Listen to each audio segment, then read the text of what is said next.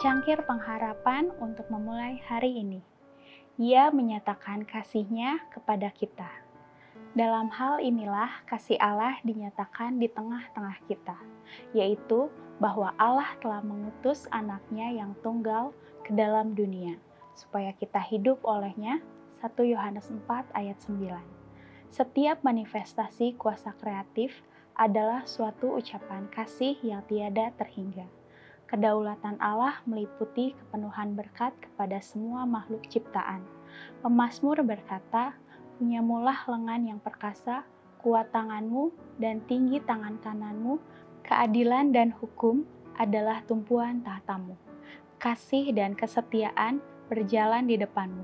Berbahagialah bangsa yang tahu bersorak-sorai, yang Tuhan mereka hidup dalam cahaya wajahmu. Karena namamu, mereka bersorak-sorak sepanjang hari, dan karena keadilanmu, mereka bermegah, sebab engkaulah kemuliaan kekuatan mereka. Sejarah pertentangan besar antara yang baik dan yang jahat sejak waktu peperangan itu mula-mula terjadi di surga sampai kepada akhirnya, bila mana pemberontakan itu dibinasakan dan dosa dibasmi semata-mata juga merupakan pertunjukan kasih Allah yang tiada berubah-ubah. Karena hukum kasih itulah alasan pemerintahan Allah. Kebahagiaan semua makhluk yang berpengertian tergantung atas persesuaian mereka yang sempurna dengan prinsip-prinsip kebenaran yang besar.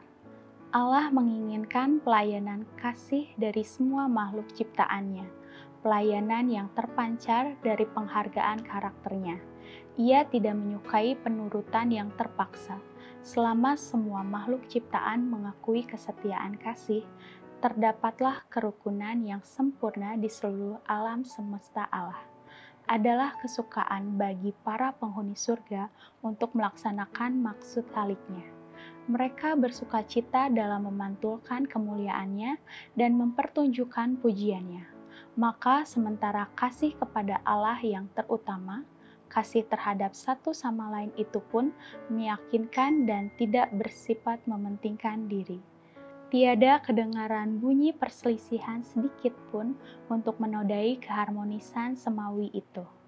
Demikian renungan kita hari ini. Selalu mulai hari Anda dengan secangkir pengharapan.